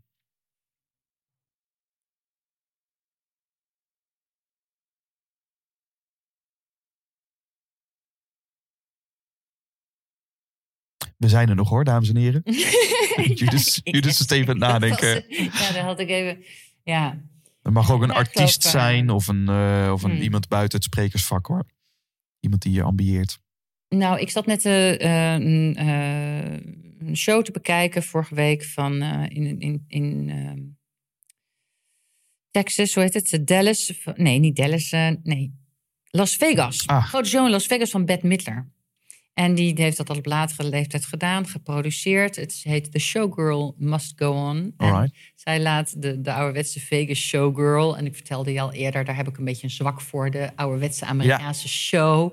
En zij zet dat op zo'n geweldige manier neer. eh, ook door vrouwen wel die show-elementen te geven, maar niet helemaal op dat eh, tits en ass-achtige hoeters eh, Ja. idee. Dus met een respectfole manier, ja, maar wel elegant en vrouwelijk. showgirl is toch wel een, ook een beroep en een fenomeen. En dat hij is in een nieuw jasje. En, eh, en dan kijk ik hoe zij met de zaal en hoe ze zingt. En, en hoe ze met kleding omgaat. Heel eigenzinnig ook. En dan kan, is dat echt iets waar ik met heel veel respect en plezier naar kan kijken. Mooi, mooi. Ehm, wat is voor jou persoonlijk een muziekanthem? Dus een nummer wat je graag luistert. Misschien wel voor of na het spreken. En dan ga ik even terug naar de tijd van de televisie. Eh, dan moest ik soms ochtends vroeg, ehm, eh, al heel vroeg weg in de studio zijn voor een live uitzending. En dan moet je een beetje wakker worden. En ik had wel eens behoefte aan zo'n beetje afdeling peper in mijn reet. Ja. Dus dan ging ik Steppenwolf, Born to be Wild. Ging Ah, ik heerlijk. draaien, echt. Get Ja. on the highway. En verder eh, zou ik zeggen, eh, ik, ik draai eh, ook wel eens bijvoorbeeld muziek, minimal music van Niels Fraam, als ik juist opgefokt ben. En ik moet gewoon Rustig gaan worden. Of als ik weer even. Dus ik heb ook wel gele, rode, blauwe muziek. zeg Mooi. Nou, die staat genoteerd. De allerlaatste vraag, de college vraag, ga ik iets ombuigen. Want jouw allerlaatste hoofdstuk in jouw boek is eh, opkomst. Wat doe je drie seconden voordat je het eh, podium betreedt? En de allerlaatste vraag ga ik eh, stellen in de vorm van... Judith, wat doe ik de eerstvolgende keer voordat ik het podium opkom? Dan ga je je realiseren op het moment dat je opstaat van je stoel of in de coulissen staat. Dan ga je je zorgen van je afpoetsen en je laat ze op die plek achter. En je, je stapt uit die eigen schaduw. En je bent je bewust dat je vanaf dat moment aanstaat, in het licht staat. Je neemt de leiding en zo kom je op en je verplaatst je. Ja, je, ja, je omarmt je publiek. Mooi. Judith, heel erg bedankt voor dit interview. Nou, het was me genoegen. En, en de kokosmacroon was ook heel lekker. Zo, hallo lieve luisteraar. Wat fijn dat je er nog bent. Helemaal aan het einde van dit interview. Ik wil Judith heel erg bedanken voor dit fantastische gesprek. En ik wil jou heel erg bedanken voor het luisteren. En ik realiseer mij, we zitten bij aflevering 24 nu. Het, we lopen aan het einde van het jaar. En voor mij is het einde van het jaar ook altijd weer een mooi moment om terug te kijken. En jeetje, eh, begin dit jaar ben ik eh, deze podcastreis begonnen. En, en, en moet je eens kijken wat voor ja, prachtige gesprekken eh, ik heb mogen voeren. En ook dit gesprek weer. Het is zo leerrijk om de experts uit het vak en het sprekerswereldje eh, te spreken. Met, met een half oog kijk ik ook naar de toekomst. En wil ik jou vragen, hey, als je kijkt naar de toekomst van de Over Spreken Gesproken podcast. Ja, wat, wat zou jij graag willen, luisteraar? Eh, Maak even een connectie met mij op LinkedIn. En, en voed mij met tips. Een aantal van jullie doen dat ook al. Dus als je een tip hebt voor een spreker of een tip hebt voor een onderwerp. Of als iets meer of minder mag, laat het mij weten. Ik ben as we speak bezig met eh, mijn plan te maken voor 2020. Dus dit is jouw moment om als luisteraar invloed te hebben op dat plan. Dus ik hou mij zeer aanbevolen voor advies. Voor nu, nogmaals bedankt voor het luisteren. Wil je meer weten over Judith de Bruin? Ga dan naar www.judithdebruin.nl. Wil je meer weten over mij of de podcast? Ga dan naar www.glenvergozen.nl. Vergeet je ook zeker niet te abonneren op Spotify of op Soundcloud of op iTunes of waar je dit ook maar luistert. Eh, dat zorgt ervoor dat ook andere mensen de weg naar deze podcast weten te vinden. Ik heb nog een paar hele mooie verrassingen voor je klaarstaan. En volgende week staat er alweer een nieuwe aflevering online. Want dit is de vijfde vrijdag van november. Dus volgende week de eerste vrijdag van december... trakteer ik je alweer op een nieuwe aflevering. En ik ga nog niet vertellen wie het is. Maar ik weet wel heel erg zeker... dit wordt ook weer een hele bijzondere aflevering. Dus ik hoop je graag volgende week weer terug te zien. En voor nu een heel fijne dag.